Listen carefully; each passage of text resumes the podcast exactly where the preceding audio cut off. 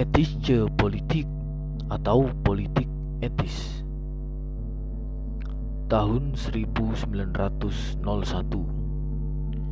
di istana Belanda yang dibangun dan dimakmurkan dari pengerukan kekayaan tanah Hindia.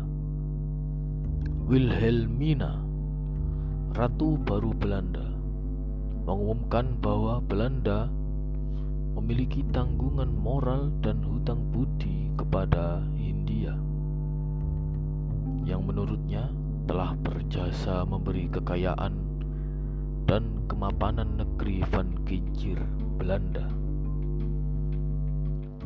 Seruannya itu termaktub dengan sebutan politik etis dengan programnya yang bernama Trias Van Deventer.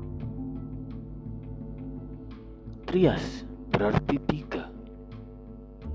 Ada tiga pembahasan penting dalam upaya yang mereka sebut sebagai balas budi kepada Hindia, yaitu pembangunan irigasi, program imigrasi, dan penggalakan edukasi.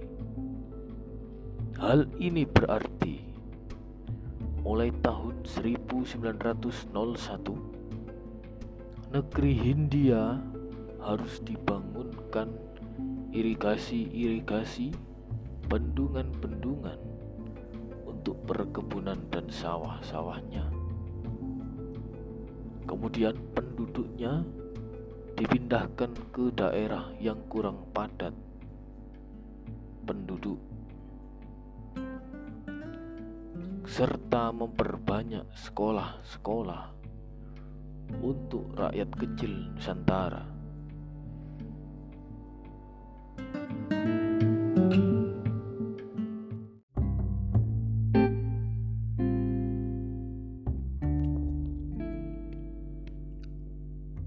Kemudian, siapakah Van de Venter yang digunakan sebagai nama program etis? Nama lengkapnya Konrad Theodor van de Venter ahli hukum dan politikus liberal yang pada tahun 1886 mengusulkan agar penjajahan Belanda haruslah lebih manusiawi. Ia menamai usulannya dengan sebutan Schuld yang berarti hutang yang harus dibayar demi kehormatan atau marwah negeri Belanda.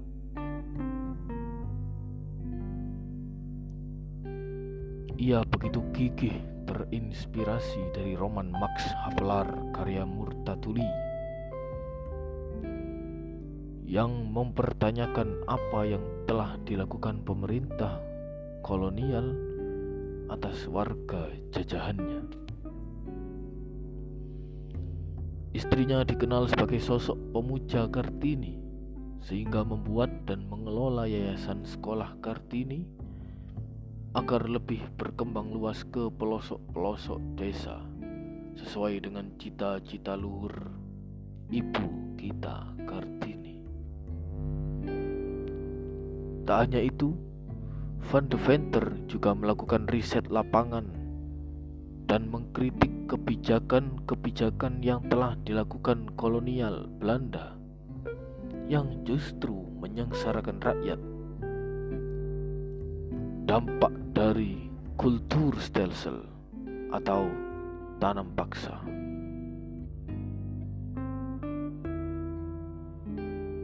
Tokoh kedua yang menuliskan penderitaan atas kekejaman Belanda yaitu Peter Broshoff, seorang wartawan yang meliput langsung keadaan rakyat akibat dari kebijakan tanam paksa.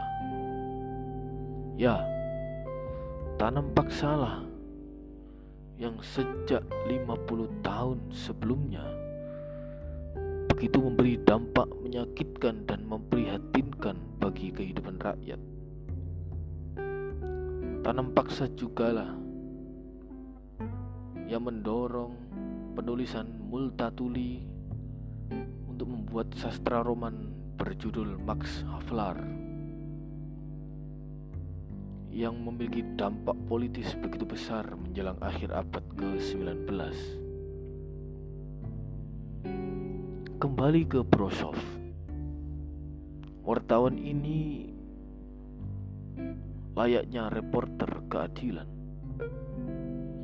Ia mengumpulkan tanda tangan dari tangan-tangan rakyat yang menderita sebanyak 1255 orang. Tanda tangan itu ia sampaikan bersama dengan liputannya kepada para politikus elit di negeri Belanda tahun 1887.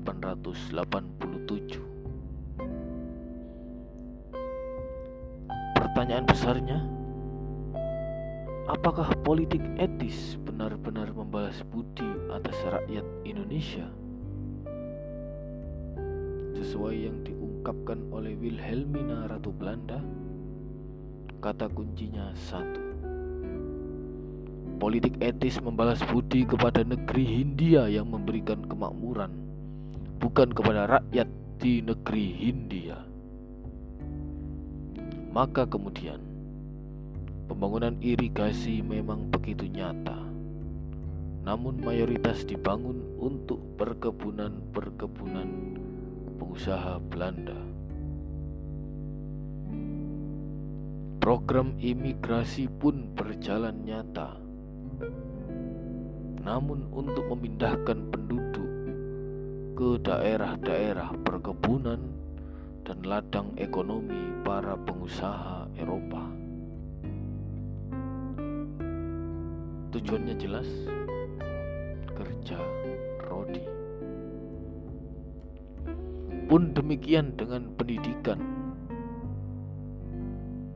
yang memiliki tujuan utama yaitu mengentaskan buta huruf dan buta angka.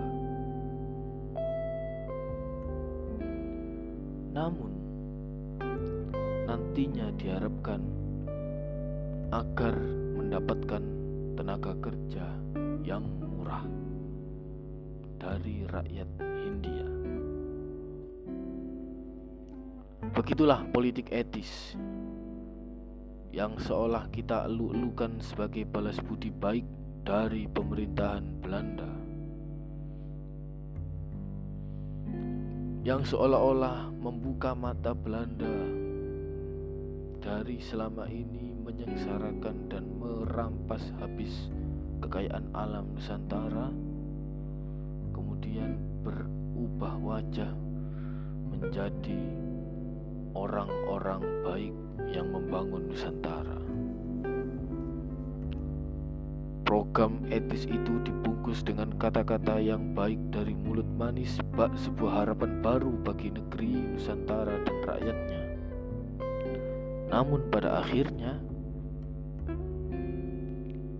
sekali lagi program politik etis ini seolah menjadi bola salju yang nantinya mampu membesarkan semangat pergerakan para rakyat untuk berbalik melawan dan mendirikan negeri yang merdeka.